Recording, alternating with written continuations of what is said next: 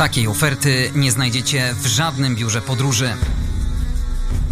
Zabieram Was w niebezpieczną wyprawę dookoła świata. Odwiedzimy miejsca naznaczone historią, konfliktami, terroryzmem czy ludobójstwem. Zapraszam na podcast Jak nie zwiedzać świata. Andrzej Gliniak, kłaniam się nisko. Startujemy z 57 odcinkiem. Na początku tradycyjnie dziękuję patronom podcastu KANS, czyli Karkonoska Akademia Nauk Stosowanych w Jeleniej Górze, POZBET, profesjonaliści z branży konstrukcji betonowych oraz Entrak, europejski lider wśród dostawców części do maszyn budowlanych. Zapraszam do subskrybowania konta podcastu na YouTube oraz Spotify. Kciuk w górę dla strony Jak nie zwiedzać świata na Facebooku. Jak najbardziej mile widziany. Tam dużo zdjęć i ciekawostek z wypraw moich i moich gości. A dziś opowiemy o miejscu, na które moglibyśmy spokojnie poświęcić nie jeden, a przynajmniej kilka odcinków podcastu. Wędrujemy za Wielki Mur Chiny, w których trzy tygodnie spędził mój dzisiejszy gość, Mirek Malewicz. Dzień dobry. Siema. Pracujesz w korporacji, w branży IT i tak naprawdę od pracy zaczęło się twoje podróżowanie. 10 lat temu byłeś na Filipinach, żeby poprowadzić szkolenia i wtedy zobaczyłeś, że podróżowanie wcale nie jest takie trudne.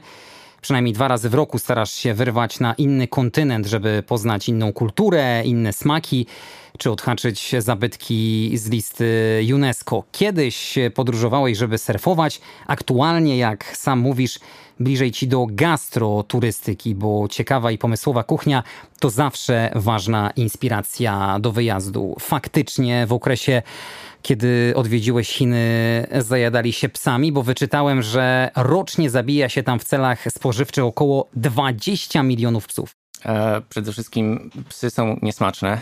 Nie znam tego jakby z własnego doświadczenia, ale tak słyszałem, więc e, no nie jest to dość popularne danie, przypuszczam. E, ja osobiście nie spotkałem się z, z żadną potrawą, która miałaby psa w sobie. I nie, nie widziałem też na przykład, nie wiem, na targach albo, albo w restauracji, żeby był taki wybór. E, kuchnia jest na pewno mega różnorodna i nie sądzę, żeby, żeby akurat potrzebowali mięsa psa do tego, żeby coś, nie wiem, poprawić czy polepszyć.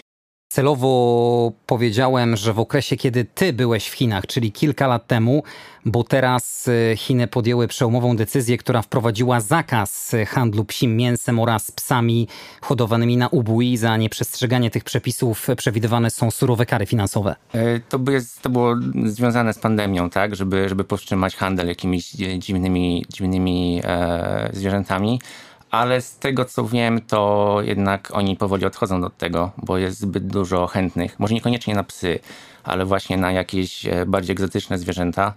To, to no na pewno jest popyt na to, więc yy, wiem, że raczej, raczej to powoli będą się z tego wycofywać po prostu. Na pewno, że nieoficjalnie, ale nieoficjalnie nie będą po prostu na to zwracać uwagi.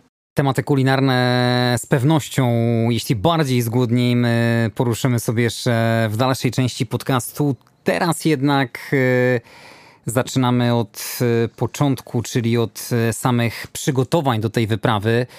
Żeby wszystko było dopięte na ostatni guzik od A do Z, to trzeba poświęcić troszeczkę czasu na logistykę. Nie ma chyba mowy w przypadku Chin o żadnej spontaniczności. Zgadza się. Generalnie Chiny mogą być bardzo trudnym krajem do podróżowania, albo mogą się okazać bardzo prostym krajem do podróżowania. Tak naprawdę jedna z takich bardziej istotnych rzeczy to jest e, świadomość tego, że nie ma się tam takiego pełnego dostępu do internetu. Jest ten taki słynny e, wielki chiński firewall, i mm, musimy pamiętać, że nie wszystkie strony będą dostępne. No, takie podstawy jak na przykład nie wiem, Facebook czy Gmail no to możemy zapomnieć. Tak samo e, strony takie jak e, e, Google Play albo App Store no to też niespecjalnie. Także portale społecznościowe Facebook, Instagram, WhatsApp, Snapchat, Twitter. Powiedzmy tylko naszym słuchaczom, że ten The Great Firewall of China, o którym wspomniałeś, to jest system cenzury i nadzoru używany przez chiński rząd do kontrolowania i ograniczania dostępu do Dokładnie. stron internetowych i treści Dokładnie. online w Chinach. To nie jest tak jak w Rosji, gdzie odcięli się całkiem. Jest jakby, można się przebić przez ten firewall. Nie wiem, czy ja powinienem o tym mówić, ale są sposoby na to, żeby to zrobić. Natomiast są one skomplikowane i też chiński rząd stara się wyłapywać e, różne sposoby i je blokować. A mi na przykład z jakiegoś powodu działało Yahoo i z jakiegoś powodu działa mi Wirtualna Polska, więc dało się komunikować z, z, z rodziną czy coś. E, natomiast e, to, co jest bardzo istotne przed wyjazdem, to że trzeba poinstalować wszelkie potrzebne aplikacje na telefon, zanim się tam wyruszy. Jakie na przykład? Na przykład e, WeChat, to jest taki, taki chiński WhatsApp, e, Alipay. Teraz Chiny coraz bardziej odchodzą od płatności gotówkowych, więc e, głównie właśnie korzysta się z jakichś Alipayów, na przykład na telefonie czy coś. Trzeba też pamiętać, że e, nasze zachodnie karty niekoniecznie muszą działać. Jest, jest na przykład karta taka bardzo popularna, która y, twierdzi, że działa na całym świecie. W Chinach niekoniecznie. Może się okazać, że, że będą problemy. Um, oprócz tego, e, już nie pamiętam jak się nazywała ta aplikacja, chyba trip.com. Ona służyła do kupowania biletów na, na pociąg. To też trzeba zainstalować po prostu wcześniej, bo, bo później się nie da. E, mapy Google działają trzeba je oczywiście ściągnąć najpierw offline'owo, ale o dziwo e, większość rzeczy się tam zgadza.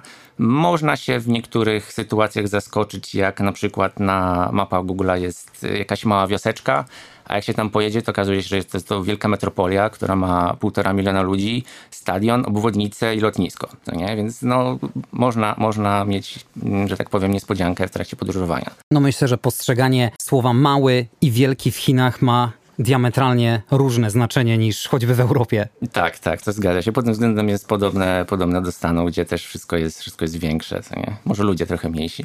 Miliard czterysta tysięcy ludzi.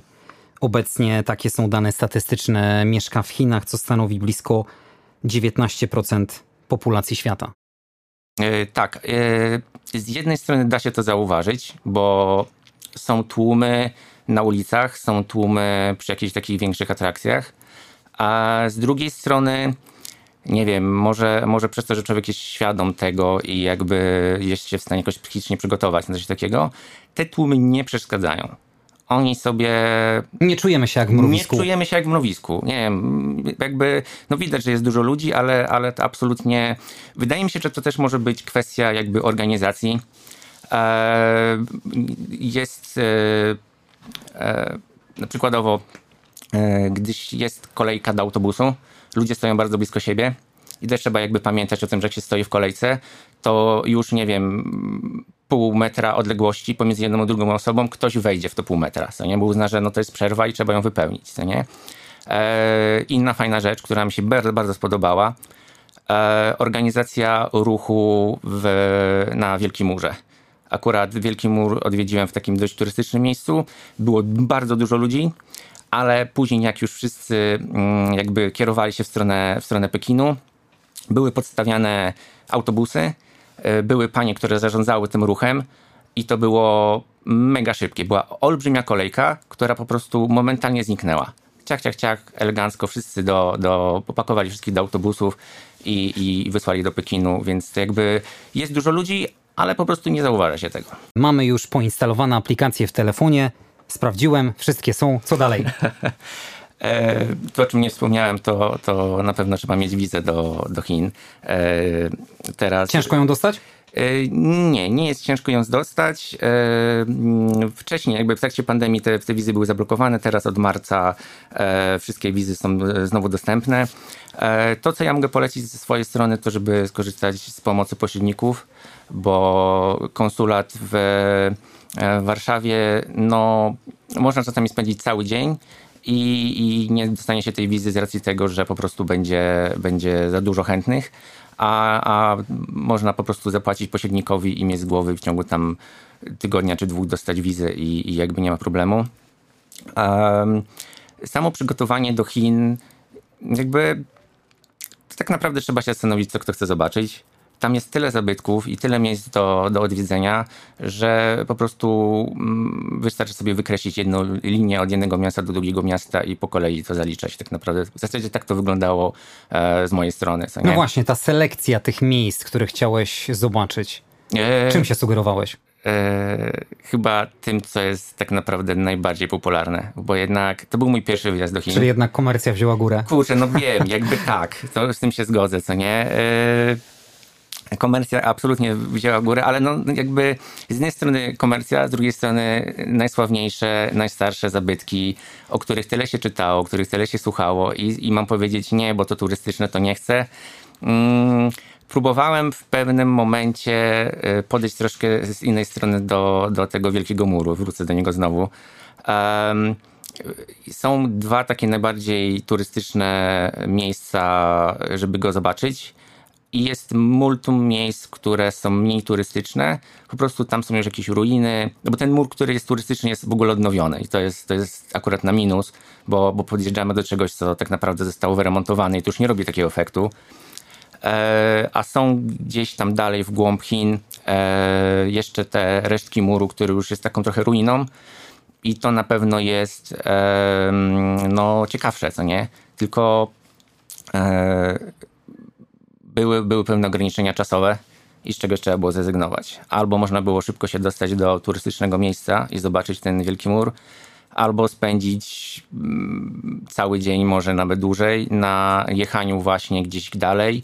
E, to jeszcze nie było do końca takie proste, bo jakby ja po chińsku nie mówię, a jak się wiedzie już poza Pekin, poza duże miasto, no to angielski jakoś niespecjalnie tam działa, co nie? Więc E, mimo jakiegoś takiego wstępnego przygotowania, jakby mniej więcej znałem trasę i co powinienem ludziom pokazywać, jakie znaczki i, i o co się pytać, mm, to koniec końców jednak e, padła decyzja, że e, turystycznie. Trudno, ale turystycznie. Może następnym razem, co nie?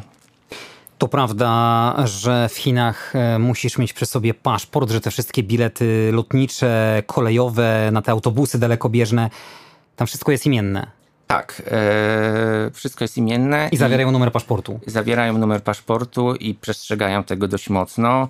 Jest to związane raz, że to jest kraj no, komunistyczny i oni lubią generalnie kontrolować ludzi. E, lubią też kontrolować turystów i e, jakby Chiny trzymają też jakby rękę na pulsie, jeśli chodzi o wszelkie jakieś e, e, grupy separatystyczne i tak dalej bez na to, czy oni faktycznie są separatystyczne, czy po prostu rząd tak powiedział, ale, ale pilnują tego.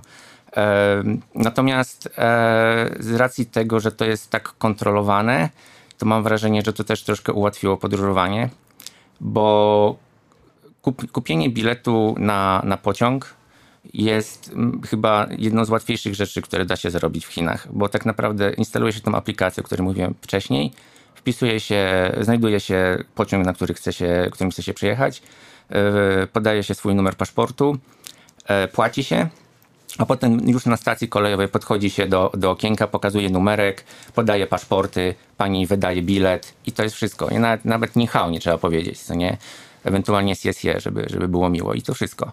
Co nie? Więc jest to, jest to mega proste i też e, to, co warto, o czym warto teraz wspomnieć, to, że te pociągi to są, to są te szybkie pociągi, które zasuwają 300 km na godzinę i przez to podróżowanie nagle staje się bardzo łatwe, bo z jednego miejsca, w które, które ma jakieś ciekawe zabytki, można się w ciągu kilku godzin dostać w zupełnie inne. Więc e, podróżowanie pod tym względem po Chinach jest naprawdę proste, co nie? Tylko, że trzeba się przygotować wcześniej. No dobrze, to zacznijmy nietypowo jak na specyfikę podcastu od tych turystycznych e, typowo miejsc. Wylądowałeś w Pekinie, czyli w stolicy Chińskiej Republiki Ludowej. Zaledwie 22 miliony ludzi mieszka w tej metropolii. Jak wrażenia? Um, pierwsze wrażenie było takie, że przy, przy wyjściu z, z, z lotniska yy, myśleliśmy, że jest generalnie mgła a okazało się, że to był słynny pekiński smog, więc to, był, to były pierwsze wrażenia, że okazuje się, że jednak to prawda. E, e, oprócz tego te miasta są mega dobrze skomunikowane. I to wszystkie, wszystkie większe miasta. Wszystkie większe miasta mają dostęp do tych hiperpociągów. E, wszystkie większe miasta mają metro. E, I I tak samo też w Pekinie oczywiście, więc dostanie się na przykład do, do hotelu czy coś, to było, to było proste po prostu. Nie wymagało jakichś, jakichś, jakichś skomplikowanych akcji. I myślę, że warte podkreślenia jest też to, że mimo tego ogromu pod względem powierzchni, całe Chiny znajdują się w jednej strefie czasowej. E, no tak, ale to jakby strefy czasowe to kraj sobie chyba wybiera, co nie? Bo jakby chciało się tak faktycznie porównać czas z jednego końca Chin po drugim, no to no by się pewnie trochę różnił, co nie? No ale tak, są faktycznie w jednym tym. Tak sobie wymyślili, żeby im się pewnie łatwiej żyło. Um, yy, wracając jeszcze do Pekinu, jest... Yy, da się zauważyć takie jeszcze naleciałości ze starych czasów. E, na przykład mm, wszędzie jest dużo kamer. Co nie, jest. E, oko wielkiego brata patrzy. Oko wielkiego brata patrzy przez cały czas. E, jest, zawsze są bramki na przymetrze, żeby sprawdzić. Przy placu Tiananmen oczywiście też jest wszędzie, nie da się wejść na plac Tiananmen tak po prostu. Zawsze trzeba przejść przez, przez bramkę, a jak dobrze pójdzie, to jeszcze ktoś sprawdzi paszporty, co nie, żeby było, było pewne kamer jest tam mnóstwo, no ale to oczywiście to nie ma się co dziwić. Jak ktoś zna historię tego placu, to, to jest to dość oczywiste, a jak się jeszcze wspomni o tym, że zaraz obok jest główna siedziba partii, no to, no to też nie dziwi jakoś specjalnie.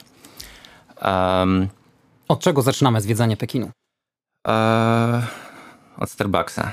Nie, było wcześniej rano i trzeba było się napić kawy. E, Dobre pytanie. No tam jest dużo rzeczy. No, tak naprawdę zaraz koło placu Tiananmen, od którego możemy zacząć na przykład, jeśli się chce, jest zakazane miasto. I e, trzeba też pamiętać o tym, że te zabytki w Chinach są tak duże, że nie da się chyba zobaczyć dwóch rzeczy jednego dnia. E, zakazane miasto schodzisz cały dzień i, i jeszcze wszystkiego nie zobaczysz. Po następnego pojedziesz do pałacu letniego, schodzisz cały dzień i też wszystkiego jeszcze nie zobaczysz, co nie? Potem masz, możesz sobie dorzucić jeszcze jeden wielki mur chiński, który też został wspomniany wiele razy. Um, I szczerze, Pekin się w tym momencie już skończył, że tak powiem. Te najważniejsze rzeczy zostały odhaczone i, i w moim przypadku można było jechać dalej. Zakazane miasto, czyli dawny pałac e, cesarskich dynastii, największy i najważniejszy kompleks pałacowy w stolicy. E, zgadza się i, i tak jak wspomniałem, przeolbrzymi. E, to, co jest ciekawe, tam jest bardzo dobrze opisane.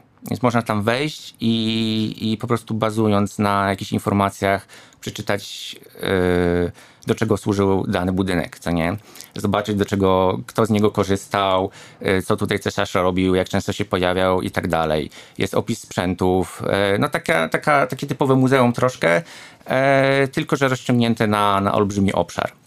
Jedno, jedno, czym należy pamiętać, że Wejście do zakazanego miasta jest z jednej strony, wyjścia są z zupełnie innej strony i warto o tym pamiętać, bo jak człowiek myśli, że wyjdzie wejściem, no to się może grubo pomylić, a to jest, wiesz, 20 minut dreptania. Po całym dniu chodzenia po takim zakazanym mieście, no to można się przykro zaskoczyć.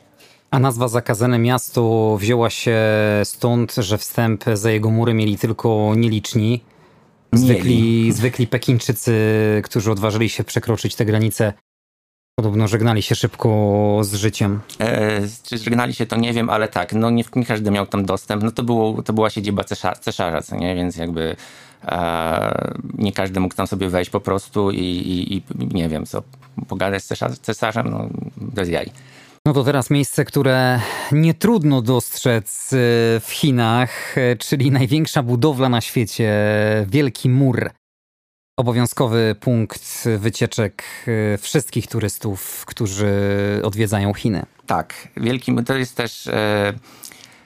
Z racji tego, jak wspominałem, ja się tam próbowałem dostać tą, tą prostszą drogą, co nie, nie, nie szukać tych ruin, tylko już stwierdziłem, że dobra, czas leci, trzeba e, trzeba znaleźć drogę na skróty.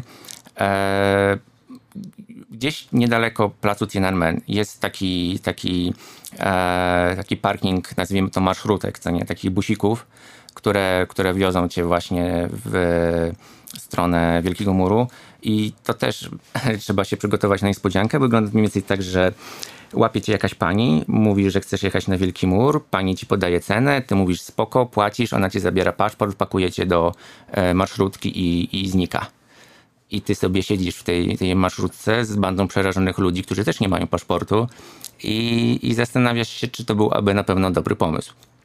E, oczywiście no, później jak już ta marszrutka przyjedzie na miejsce, to, to pani oddaje te paszporty, ale przez chwilę człowiek się tak zastanawia, czy, czy to aby na pewno. E, a sam Wielki Mur od tej strony turystycznej, no to jak się można spodziewać, jest multum ludzi. I to naprawdę rzeka. Te, jak się patrzy gdzieś z daleka na, ten, na ten, to wejście na ten mur, to tam są po prostu tabuny ludzi się przelewają przez siebie. E, natomiast plus jest taki, że ten mur jest dość mm, wymagający, jeśli chodzi o, o, o wędrówkę, bo on jest, co chwila są wzniosy i spadki i 99% osób wymięka. Więc te wszystkie dziadki i Amerykanie zostają gdzieś tam na początku, a można sobie przejść po prostu 500 metrów dalej tym, tym chińskim murem i masz pusto i możesz sobie zrobić eleganckie zdjęcie, tylko ty i, i chiński mur, co nie? Więc nawet to turystyczne miejsce no, nie jest takie drastyczne i, i nie zniechęca. Najdłuższy cmentarz na Ziemi, tak niektórzy nazywają Wielki Mur Chiński. Mówiło się, że co trzeci mężczyzna w ówczesnym imperium, imperium uczestniczył w budowie muru i tylko trzech na dziesięciu rekrutowanych powróciło do domu. No, to nie dziwi, jak się widzi ogrom tego, tego, tej budowli. Jakby no, jest, jest faktycznie yy, olbrzymi i jeszcze jak się patrzy wzdłuż tych wszystkich wzgórz, jak on się ciągnie gdzieś tam za horyzont, no to jakby ta informacja niespecjalnie zaskakuje.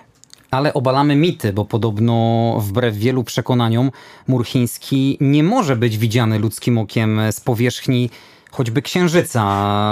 Ten mit został rozpowszechniony w dekadzie pierwszych lotów kosmicznych i dopiero zdjęcia satelitarne przy użyciu fotografii w podczerwieni termowizyjnej zostały poddane silnej obróbce i ukazały ten wielki mur w swojej okazałości? E, może, nie wiem. Powiem ci szczerze, że, że wydaje mi się, że jakby się patrzyło w dobre miejsce, to może by się dało coś zobaczyć. No wiele, jakby jak się ogląda fotki z stacji kosmicznej, jak oni robią, robią różne zdjęcia, e, no to czy nie dałoby się zobaczyć tego muru? Ciężko powiedzieć, trzeba było polecieć na stację i potwierdzić, ale, ale może faktycznie, może to jest faktycznie mit. No na pewno z bliska da się. Z bliska jest widoczny. Nawet mimo smogu. Wstęp jest tam bezpłatny, czy trzeba zapłacić za bilet? E, trzeba zapłacić. Nie pamiętam ile, ale trzeba zapłacić. Ale nie są to chyba wygórowane stawki. Nie, ogólnie w, e, w Chinach jest, e, powiedziałbym, podobnie jak w Polsce. Czyli nie jest jakby, nie jest tak tanio jak na przykład, nie wiem, w Wietnamie nie jest tak drogo jak na przykład, nie wiem, w Stanach teraz, e, więc wydaje mi się, że jest tak mniej więcej tak jak, tak jak w Polsce. Takich cen się powinno spodziewać. Za wstęp, za żarcie, za, za transport. Ten wielki mur to budowla, która zrobiła na tobie jak do tej pory największe wrażenie z wszystkich twoich podróży? Um, o kurczę, z wszystkich podróży, jeśli chodzi o budowlę, jest to chyba nawet nie. Wydaje mi się, że e, jak tak na szybko, już jesteśmy przy Chinach trochę, to mi się z Chinami kojarzy. E, tam jeszcze na trasie był e, Buddha z Leszen. I to jest Buddha, który ma 71 metrów. To nie jest jakoś bardzo dużo, ale, ale jak stoisz przy nim, to jesteś tuż przy głowie. I faktycznie, jak widzisz taką olbrzymią głowę, która się patrzy tam w stronę rzeki i, i no, robi to większy efekt. Ten wielki mur, jakby, no fajnie było go zobaczyć, co nie? to jest coś, co warto odhaczyć i, i tam z bucket listy wymazać. To jest tak naprawdę punkt obowiązkowy, już abstrahując Dokładnie. od tego, że większość moich gości mówi, że jednak e, te komercyjne miejsca trzymają się z daleka, to jednak no, Wielki Mur no, no pozycja tak, obowiązkowa. No, słyszysz o tym tyle razy. Tak jakby wiesz, pojechać, nie wiem, do, do Arizony i nie zobaczyć e, Wielkiego Kanionu, no bo to popularne. No może i tak, ale, ale to warto zobaczyć na własne oczy i, i powiedzieć byłem i na przykład w przypadku Wielkiego Muru jest ok. Tym bardziej, że wpisany jako jeden z siedmiu nowych cudów świata. Tak? A to tego nie wiedziałem. A taka ciekawostka. No, okay. Kilkanaście lat temu. Ale to, że na listę Światowego Dziedzictwa UNESCO jest wpisane, to wiedziałeś. No bo lista Światowego y, Dziedzictwa jest jakby... Co drugi zabytek chyba w Chinach. Tak, tak, więc jakby to, to, to było oczywiste. Ale, ale że cud świata? No w sumie tak, no bo jest, się ciągnie, ale może powinni go zmazać po tym, jak się okazało, że go nie widać z kosmosu. W jednym pałacu już byliśmy, w zakazanym mieście, w starożytnym pałacu. No to teraz wędrujemy do pałacu letniego, kompleks parkowo-pałacowy, które stanowiło miejsce letniego odpoczynku cesarzy chińskich. Dokładnie, to taki właśnie e, bardziej parkowy, bym powiedział, niż, niż pałacowy, bo tam jest ten jeden mały mm, pałac, do którego chyba nawet nie było jakoś wstępna, specjalnie wejścia. Można było sobie pochodzić po tych e, krużgankach i po, pooglądać, jak to wygląda z zewnątrz, wejść sobie na wieżę, zobaczyć piękne, piękną panoramę, no i fajnie. E, ale to w zasadzie wszystko. No i później, później ten olbrzymi park z, ze stawami, z rzekami, z mostkami. E, to, to, to było chyba w sumie najwięcej miejsca zajmuje w tym, tym całym pałacu letnim. Ale szczerze, to wydaje mi się, że były jakieś lepsze zabytki. Pałac akurat nie zrobił na mnie wrażenia, na mnie. Nie, nie zrobił wrażenia. Wydaje mi się, że chociażby ten mur chiński był na pewno ciekawszy. Co prawda, może nie zabytek e, w dosłownym tego słowa znaczeniu, ale też takie charakterystyczne miejsce dla Pekinu. O tym też wspominałeś, e, ten plac e, Tiananmen. Słynny niestety z tych negatywnych kart w historii. Tam doszło do prawdziwej masakry. Mm, protesty studentów zostały krwawo stłumione. Zginęło według nieoficjalnych danych nawet 5 tysięcy osób, rannych zostało 10 tysięcy. Aresztowano prawie 2,5 tysiąca w 89 roku. Chińska armia wjechała wtedy czołgami, żeby te protesty stłumić Y, studenci chcieli demokratyzacji, rozwoju gospodarczego, zakończenia korupcji w szeregach komunistycznej partii Chin. Y, dokładnie. Ten, ten plac jest zdecydowanie symbolem teraz, aczkolwiek e, też dzięki pomocy chińskiego rządu no, on jest coraz bardziej wymazywany. I współczesne pokolenie przypuszczam, że niewiele kojarzy z tego, co, się, co, tam, co tam się działo. Niemniej jednak, tak jak wspominałem, no jest, e, jest on otoczony barierkami, są bramki, są kamery, bo, bo jednak oni wiedzą, że no, ktoś tam może jednak próbować ten symbol wykorzystać. Bo no, to, jest olbrzym, to jest chyba w ogóle jakiś jeden z największych, największych placy na świecie chyba. On ma jakieś olbrzymie, olbrzymią powierzchnię, z tego co pamiętam. E, gdzieś tak czytałem. Największy publiczny plac Może być, tak, na świecie. Tak, dokładnie. Więc jakby no to, to idealne miejsce do tego, żeby E, coś pokazać chińskiemu rządowi. Oni pilnują tego po prostu. Tam jest dużo kamer. E, ja nie wiem, czy to było na przykład takie e, jakaś moja mm, wyobraźnia, ale miało się wrażenie, że są osoby, które stoją tam tylko po to, żeby obserwować innych ludzi. Może mi się wydawało, a może mi się nie wydawało. Nie wiem. Agenci. Pewnie tak. No dobrze, zamykamy turystyczny przewodnik. Mamy odhaczone te największe atrakcje Pekinu. No to teraz ta esencja podcastu. Co ciekawego można zobaczyć w Pekinie, już tego mniej komercyjnego? E, na pewno jedno z takich ciekawszych e, miejsc to są hutongi, czyli te takie małe e, osiedla, bym powiedział, takie połączone domki, co nie? Można się w tym zgubić, i, i, I, parę razy trzeba było się wspomagać właśnie mapami Google, żeby wyjść z takiego hutongu, bo, bo to czasami ma naprawdę olbrzymie, e, olbrzymie powierzchnie. E, w ogóle to, co mnie zaskoczyło najbardziej, to to, że e, tam jest mega czysto. I to wydaje mi się, że nie wiem, to nie jest jakoś chyba wymuszone czy coś, że tam każą to sprzątać, ale jakby oni naprawdę przestrzegają, jakby, no sprzątają tam po prostu. No jest, jest naprawdę zauważalnie. Przychodzisz tam i, i mówisz, o kurczę, tu jest naprawdę czysto. Więc tego przestrzegają. E, zastanawiam się też, czy e, ze względu na wtedy zbliżającą się olimpiadę w Chinach, e, czy nie zostały poczynione jakieś właśnie takie modernizacje? Bo wiem, że pojawiło się sporo szaletów publicznych, co też czasami ratowało sytuację. E, I pojawiły się angielskie napisy na przykład w metrze. Co nie? To, to, w, Chin, w, Japonii też było podobnie. Jakby się zbliżała e, olimpiada, no to nagle można było podróżować po Japonii, bo można było wiedzieć, gdzie się jedzie. I tak samo właśnie w Chinach. Um, z ciekawszych rzeczy, nie wiem, czy powinniśmy schodzić na takie tematy, ale odnośnie publicznych toalet. Um, w tych toaletach korzysta się tak jak w całej Azji, czyli na kucaka. E, I można się zaskoczyć, że nie ma żadnych jakby e, przesłonek pomiędzy. Po prostu jest jedno pomieszczenie ze stromą rynną i jakby możesz sobie pogadać z panem, który kuca obok i nikt, nie, nikt absolutnie nikogo to nie rusza. Wszystko nie? zostaje w rodzinie. Wszystko zostanie, zostaje w, tak, w, w, w rodzinie i, i, nikt nie komentuje jest jakby okej. Okay. No dla nich jest okej. Okay. Ty musisz się troszkę przemóc i pytanie jak bardzo, jak bardzo ci się chce. Czy wytrzymasz do hotelu, czy, czy może jednak warto skorzystać? No jest to, jest to też pewna przygoda. Jakby nie da się ukryć, można, mówię, można porozmawiać ze sobą obok. Jacy są mieszkańcy Pekinu w stosunku do turystów? E, przyjaźni. Zdecydowanie przyjaźni.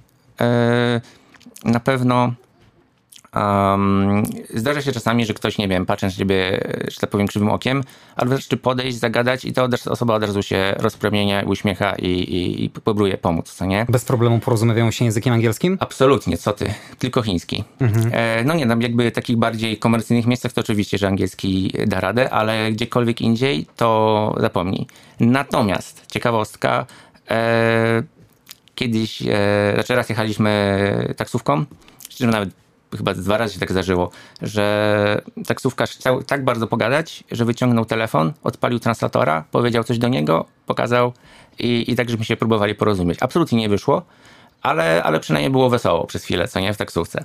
Więc yy, no właśnie, ale jakby to podsumowuje yy, ludzi w Chinach. No, są przyjaźni, chcą pogadać. No pewnie nie wszyscy, co nie, różni ludzie są na świecie, ale, ale myśmy spotkali zdecydowanie takich, którzy byli, byli mega, e, mega przyjaźnie nastawieni i, i, i chcieli pomóc.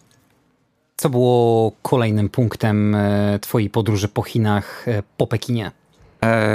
Kolejnym punktem był krótki przystanek w Longmen albo Luoyang, to są takie zamiennie stosowane nazwy. E, tam są groty 10 tysięcy buddów. I teraz pytanie, jak myślisz, ile e, jest buddów w tych grotach? Jakieś widełki? No nie, jak ci, jak ci sprzed... No dobra, chcesz widełki od 10 tysięcy do pół miliona. 700 tysięcy. E, no, A, do pół miliona? No. 250 tysięcy. No, blisko.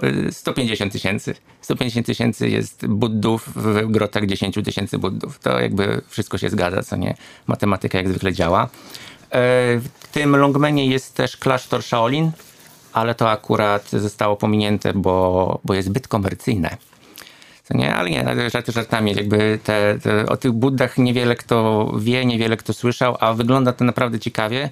No bo rzeczywiście jest to po prostu taki mm, zbocze góry, która ma mnóstwo dziurek, mniejszych, większych i w każdej tej dziurce jest wykuty mały Buddha, większy lub mniejszy. Więc e, jest, to, jest to na pewno ciekawe i sama, sama e, też miejscówka jest bardzo ładna, bo jest blisko rzeki i jest piękny deptak no jakby fajne miejsce do zobaczenia, a też jest niedaleko od stacji kolejowej, więc lecisz sobie tym ballet trainem z Pekinu, zatrzymujesz się, zwiedzasz i jedziesz dalej. Idealne po prostu. Eee, następny mm, punkt podróży to było Xi'an, eee, czyli tam, gdzie jest e, terakotowa armia. I... A to już wiem, na przykład ile tych e, figur naturalnej wielkości tam się znajduje. Mhm. Znalazłem 8 tysięcy. Zgadza się, zgadza się, tak, 8 tysięcy. To też jakby też było fajnie zobaczyć, bo tyle się o tym słyszy i, i, tyle się widziało zdjęć i zobaczyć tak naprawdę na żywo, no to, no to robi wrażenie zdecydowanie. Szczególnie, że każda z tych postaci wygląda inaczej. Nie każdy starali się przedstawić troszkę, troszkę e, inaczej od, od drugiej. Jedna ma wąsy, jedna ma brodę, jedna nie ma ani jednego, ani drugiego, jakieś inne oczy i tak dalej, co nie? Więc y, to na pewno jest ciekawe. Natomiast yy, inna fajna rzecz jest taka, że niedaleko znajduje się e, grobowiec e, cesarza, który, który sobie zażyczył tej armii. I legenda z nią związana, albo inaczej, mm, jest dużo pogłosek na temat tego, dlaczego nie chcą odkopać tego, tego grobowca. Jedni mówią, że nie mają jeszcze sprzętu odpowiedniego i to się wszystko tam zniszczy. E, jedni mówią, że prawdopodobnie mm, jest tam całe, cały basen wielki rtęci i, i, i to się wszystko wyleje, jak próbują, będą próbować to, to odkopać, bo to ponoć były czasy, e, kiedy lubowali się w takich pułapkach. A jeszcze inni mówią, że e, nie odkupujmy tego, bo, bo cesarz, cesarz wróci wkurzony, duch cesarza i rzuci klątwę i będzie przerpane, co nie? No tym bardziej, że według wierzeń ta terakatowa armia, czyli te figury na naturalnej wielkości przedstawiające żołnierzy, oficerów i konie, miały strzec cesarza i pomóc mu odzyskać władzę w życiu pozagrobowym. No, najwidoczniej się nie udało, bo jakby takie są troszkę tak ospali. Niespecjalnie się palą do walki. Chengdu to było chyba kolejne miejsce, które odwiedziłeś. E, Chengdu, tak. Chengdu było kolejne miejsce. E, Chengdu ze względu na to, że a, tam jest rezerwat pand, chyba jeden z większych, albo największy może w Chinach. A, więc oczywiście no, być w Chinach i nie zobaczyć narodowego zwierzaka, no to trochę głupio. Tym bardziej, że do 97 roku za celowe zabicie pandy w Chinach groziła kara śmierci. E, absolutnie mnie to nie dziwi. Oni naprawdę jakby dbają o nie i, i naprawdę się starają, żeby, żeby odbudować populację i, i, i żeby jakby było tych pand jak najwięcej. E, z drugiej strony nie dziwi mnie, że tych pand jest tak mało, bo, bo pandy e, no są takie dość nieporadne. Jak się je ogląda, to wdrapują się na jakieś wielkie drzewa, potem się z nich zrypią. Jakby, no to nie są jakby takie najmądrzejsze zwierzęta. Ale słodziaki. O, słodziaki totalnie. E, to, co trzeba pamiętać, to że jak ktoś chce zobaczyć taką pandę, to musi przyjechać wcześniej rano, kiedy jest pora karmienia bo, bo tak gdzieś koło, nie wiem, pieraza około dziesiątej one się nażrą bambusa i idą w kimę i jakby niewiele się będą już później ruszać przez cały dzień. Więc jak ktoś chce zobaczyć pandę, która, nie wiem, biegnie, je bambusa albo robi cokolwiek innego niż śpi, no to zdecydowanie z samego rana.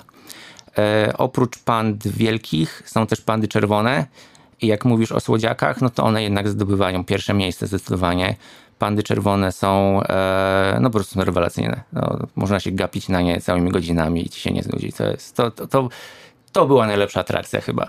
Panda czerwona, rzeczywiście ta nazwa od koloru skóry? Od koloru sierści, tak. Sierści, tak, dokładnie. Tak, tak, tak, tak, tak. No jest, jest po prostu no, rewelacyjna. Ona wygrywa tam całe Chiny.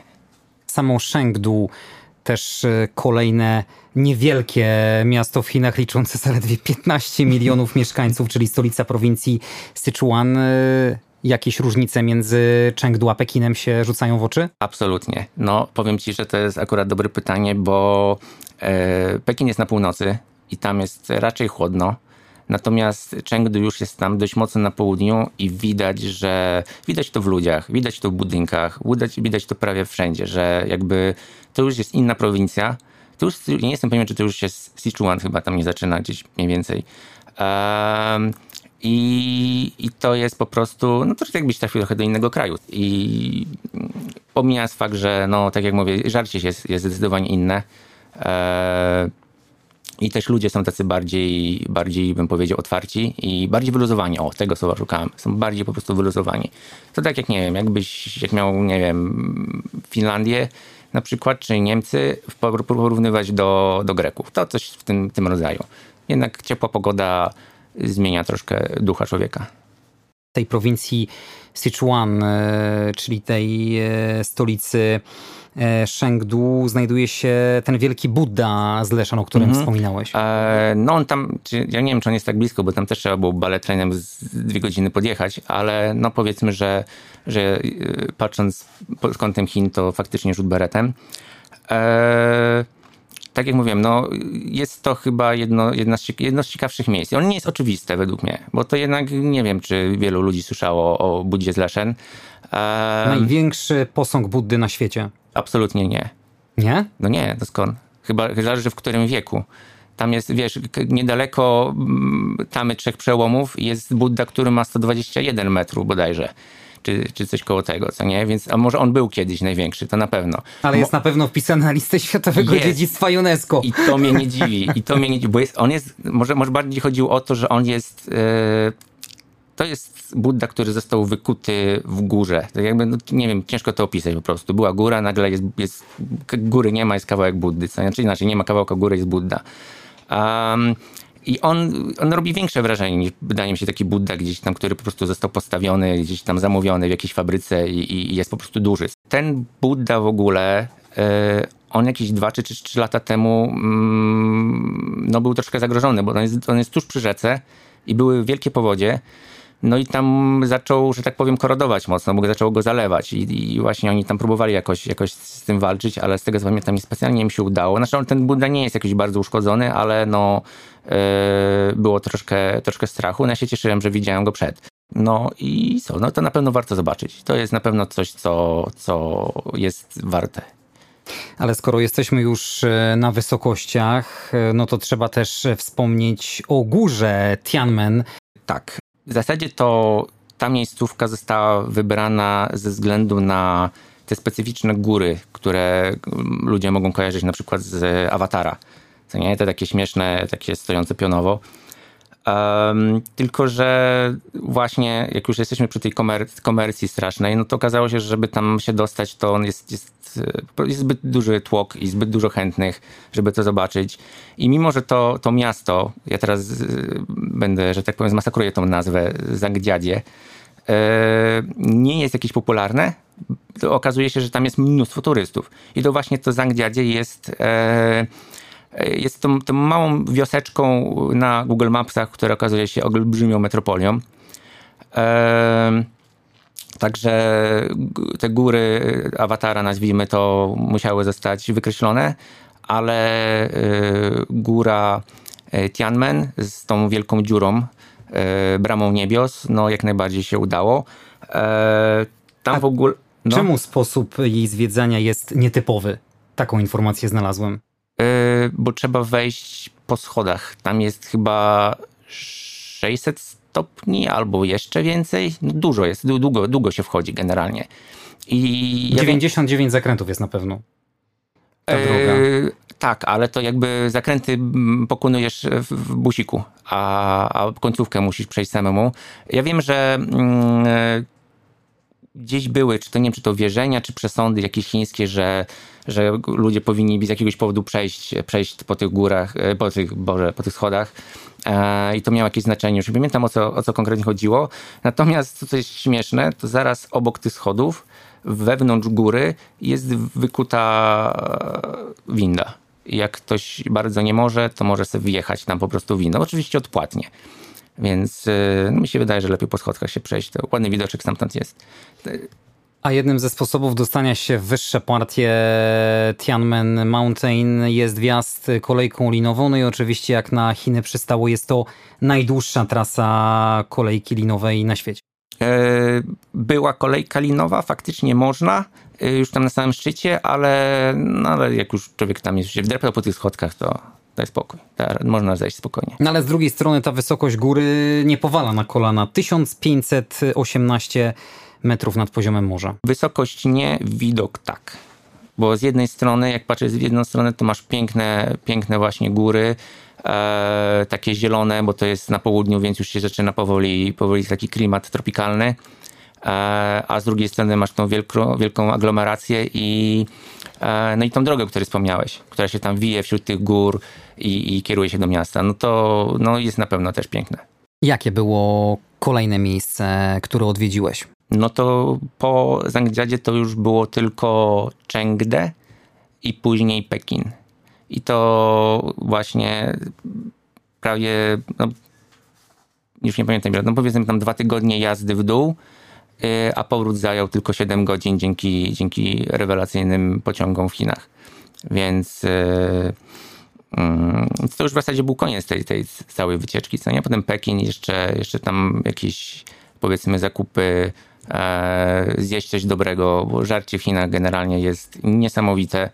Jest to chyba jedno z najlepszych, jedna z najlepszych kuchni, jakie miałem okazję spotkać, a w paru miejscach jadłem.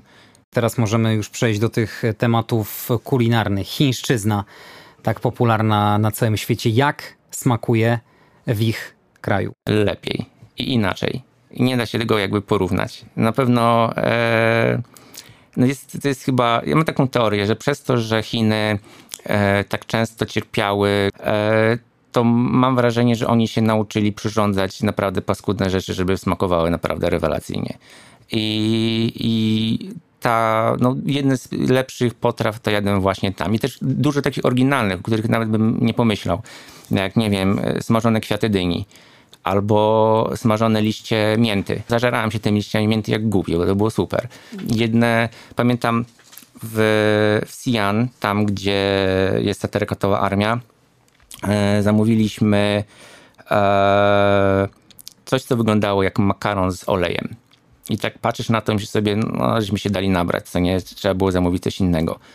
To, było, to była najpyszniejsza rzecz, jaką jadłem w życiu. I potem przez wiele miesięcy szukałem, co to mogło być, żeby próbować to jakoś odtworzyć. Koniec końców okazało się, że to są tak zwane dan-dan noodles. I da się to wbrew pozorom mm, zrobić w Polsce, jak ktoś, jak ktoś mm, poszuka dobrze w internecie składniku. Um, inna przygoda e, związana z kuchnią i tym, jak, jak dobrze gotują, to w tym Zangdziadzie, o którym wspominałem, e, była uliczka z różnymi restauracjami. Znaczy restauracje to tak w mocnym cudzysłowie, bo to po prostu były panie, które siedziały na, na krawężniku, miały tam jakiś kociołek, e, żeby ugotować nudle, jakieś woreczki foliowe z warzywami i z tyłu za nimi był po prostu taki korytarz e, z blatem, żeby się można było po prostu usiąść i zjeść. Zamówiliśmy sobie tam jakieś nudle. Były naprawdę rewelacyjne. E, natomiast wieczorem musiałem odbyć parę, że tak powiem, wymuszonych spacerów. E, następnego dnia wróciłem do tej pani po jeszcze. Jakby to powinna być rekomendacja, jak to jest dobre, że nic cię nie powstrzyma, autentycznie. Więc e, no, żarcie, żarcie jest naprawdę świetne tam. Obyczaje, tradycje charakterystyczne dla Chin. Było coś takiego, co bardzo cię zdziwiło? Y, było mnóstwo takich rzeczy. Właśnie to też było piękne. Jakby ja się trochę tego spodziewałem, że to będzie inny kraj. E, jakby w Azji byłem już wtedy wcześniej i, i, wiedziałem, że no, wiedziałem, że to nie jest jakby, to nie jest Europa oczywiście, co nie mówiąc oczywiście, e, ale mimo wszystko byłem zaskoczony. Jednym z takich, takich typowych rzeczy to Chińczycy nie lubią trzymać w sobie a, czego złego tak dosłownie to, to ujmując. Więc często się zdarzało, że e, odkrząkiwali sobie tak, ściągali mocno z zatok i spluwali gdzieś na ziemię. Nas to troszkę jakby wykręca. U nich to było całkiem normalne.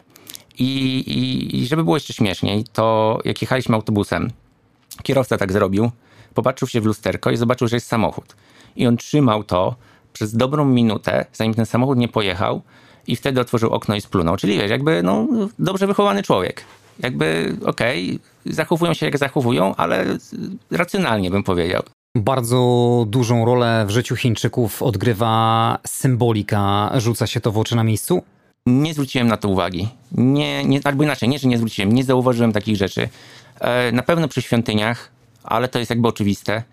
Ale na co dzień czasami a na niektórych nie wiem, w niektórych hutongach dało się zauważyć na drzwiach na przykład jakieś, jakieś symbole czy znaczki chińskie, które, które miały nie wiem, na przykład symbolizować szczęście.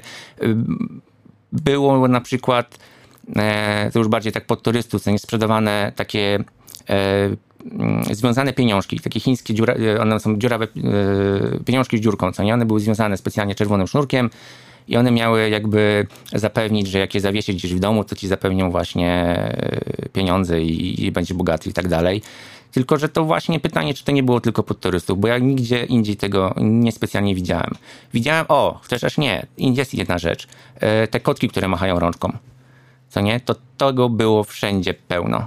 To tak, to rzeczywiście, to każdy, każdy gdzieś miał skitrane, czy to w samochodzie, czy gdzieś pod blatem, to e, kiciusie, które machają ręką, to jak najbardziej. Pod, taka symbolika to tak, zdecydowanie. A smoki na przykład, które kojarzą mi się z Chinami. Jeden z e, symboli chyba. Tak, ale to bardziej pod kątem chyba już udekorowania czegoś. Ja nie wiem, czy to jest, ma sugerować, ma coś symbolizować, czy to po prostu jakby jest ich taki typowy element, żeby, to jest typowy element dekoracji. To nie, no co mogą wpakować? No smoka, co nie? Jakby oczywiste i ładne, więc czemu nie? Wiesz, no tam jakby wszędzie są te chińskie domki, chińskie, chińskie szpiczaste dachy yy, i każdy jest wykończony właśnie gdzieś tam albo smokiem, albo coś, co pewnie ma jakoś wyglądać trochę jak smok na przykład. Więc, yy, więc yy, no jest, jest tak, tego się trochę da zauważyć. A jak wyglądały wasze noclegi? Booking tam jest ogólnie dostępny? Yy, śmieję się, ale tak. Tak, Booking to jest jedna z tych aplikacji, którą trzeba mieć i działa bezproblemowo. Można się, można się normalnie wyszukać sobie hotel, e, jaki się chce i ceny też właśnie, tak jak mówię, były takie pirazy oko jak w Polsce, nie za drogie, nie za tanie e, i, i nie było problemu. Same hotele w sobie były naprawdę e, naprawdę ładnie, ładnie zrobione. Tam jakby, tak jak wspominałem, było czysto, to już jest chyba oczywiste tutaj, ale też e, były nowe, były, były zadbane, było, było naprawdę spoko. Jakby nie spodziewaliśmy się za taką cenę takiego, takich, takich miejsc. Naprawdę było fajne. Bez żadnych e, komplikacji przebiegła twoja trzytygodniowa wizyta za Wielkim Murem? Yy, to właśnie, no nie. I to czasami, czasami żałuję. Jak wszystko się uda, to, to masz pewien taki niedosyt, nie? No jedyna, jedyna najbardziej hardkorowa akcja to była ta pani, która zabrała paszporty, no ale potem oddała, więc jakby pik. To nie nic wielkiego. E, Chiny są e, stety, niestety są bezpieczne. I do tego stopnia, że można było trafić na przykład na policję turystyczną i ta policja ma wrażenie, że jak e, miałbym jakieś wąty z Chińczykiem, to policja by stanęła chyba po mojej stronie. Bo naprawdę momentami tak to wyglądało, że oni, oni po prostu chcieli jakby, jakby mm, pokazać, że są przyjaźni dla turystów, że są super fajnym krajem, że tutaj nic się złego nie dzieje i, i wszyscy się tobą zaopiekują i, i spędzisz tutaj miło czas, nie? To no w moim przypadku się jak najbardziej udało. Ponad 50% e, światowych podróbek wytwarzanych jest w Chinach. E, tak. I można na nie trafić bez problemu w Chinach również. A pytam pod kątem różnego rodzaju bazarów, targów, które też są kwintesencją danego kraju, gdzie można niesamowite e, rzeczy zobaczyć, kupić.